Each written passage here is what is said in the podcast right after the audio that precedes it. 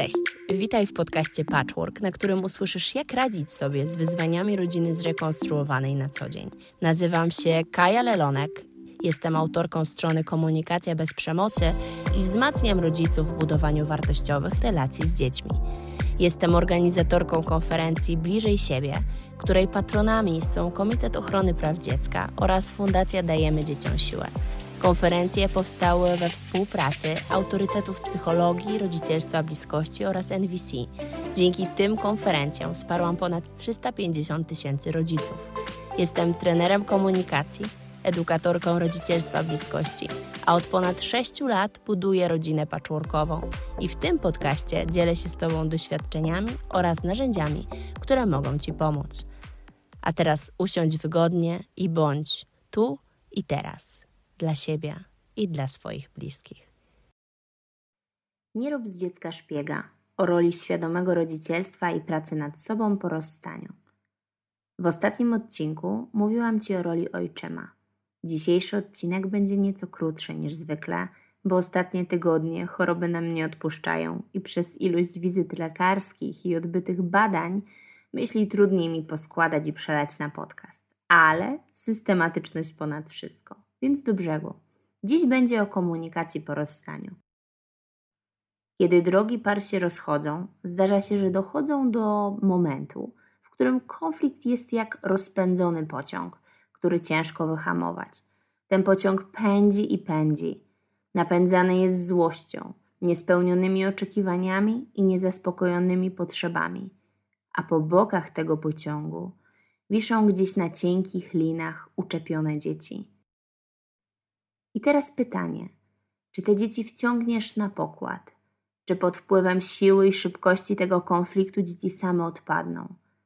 Nie fizycznie, ale przede wszystkim psychicznie.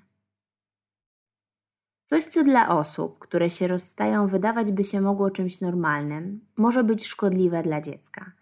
Rodzic, próbując ochronić siebie, swoje emocje, dać sobie więcej przestrzeni na odizolowanie się od tej emocjonującej części swojego życia, jaką, jaką jest rozstanie, może próbować przerzucić komunikację z ex na dziecko. I z pozoru wydaje się być to dość niewinne i nieszkodliwe, gdy mama prosi dziecko, żeby to ono ustaliło z ojcem, kiedy po nie przyjedzie oraz na przykład czy zapłaci za zajęcia dodatkowe. Dziecko przekazując to zapytanie, obserwuje reakcję rodziców, którzy choćby nie wiem jak bardzo mocno się starali, to na etapie rozżarzonego niczym węgiel konfliktu neutralni nie są. Jeśli są świadomymi rodzicami i potrafią pracować nad swoimi emocjami, wtedy konflikt nie jest rozżarzonym węglem. Wyobraź sobie sytuację. Dziecko mówi do taty: Mama pyta, o której mnie odbierzesz, albo samo, o której mnie odbierzesz. Ojciec odpowiada. Dziecko wraca z informacją do rozgoryczonej, przepełnionej złością na eks-partnera mamy i słyszy. No tak, nie spieszy się tatusiowi. Zawsze miał na wszystko czas. Dziecko czuje, że tata robi coś źle, a zarazem obserwuje, że mamy zachowanie też nie jest w porządku. Ale dziecko nie jest na takim etapie rozwoju, aby móc się temu przeciwstawić. Kocha i mamę, i tatę. Nie czuje się na tyle silne, tym bardziej jeśli nie miało zbudowanej bezpiecznej więzi z rodzicami, aby móc to zatrzymać. Więc to dziecko w tych komunikatach na temat taty, w komunikatach na temat mamy, w tym ciągłym niezadowoleniu rodziców wynikającym z nieprzerobionych tematów i gotującej, bulgoczącej się złości, jest niczym w bębnie pralki. Raz namaczane, potem pranie w pianie, potem płukanie, następnie wirowanie. Czy po wyjęciu z tego wiru czynności, zachowań, można ustać stabilnie? Dziecko samo już nie wie, co ma myśleć, bo ilość i jakość komunikatów nie sprzyja racjonalnej analizie. Poza tym mówiłam Wam o tym, że mózg dziecka nie jest w stanie przewidzieć też wszystkich konsekwencji nie ma takich połączeń jeszcze. Dlatego dla dziecka to za dużo. Dziecko, nawet jeśli wydaje ci się, że przecież jest już duże, to dalej nie powinno być Twoim posłańcem. nie powinno wyręczać cię w komunikacji z ex, bo to ty jesteś odpowiedzialną za to osobą, nie dziecko. Co więcej, gdy wraca od drugiego rodzica, nie przepytuj, co robił u taty, mamy, jak teraz spędza czas tata, mama, czy się z kimś spotyka, czy ktoś do niego dzwoni, a może z kimś pisze. Pamiętaj, mózg dziecka jest w przebudowie. To, w jaki sposób będziesz się zachowywać, kształtuje nawyki zachowania dziecka. Chcesz wiedzieć, co u ex? Zapytaj ex. Nie rób z dziecka szpiega, nie wikłaj go w to. Powtarzam raz jeszcze.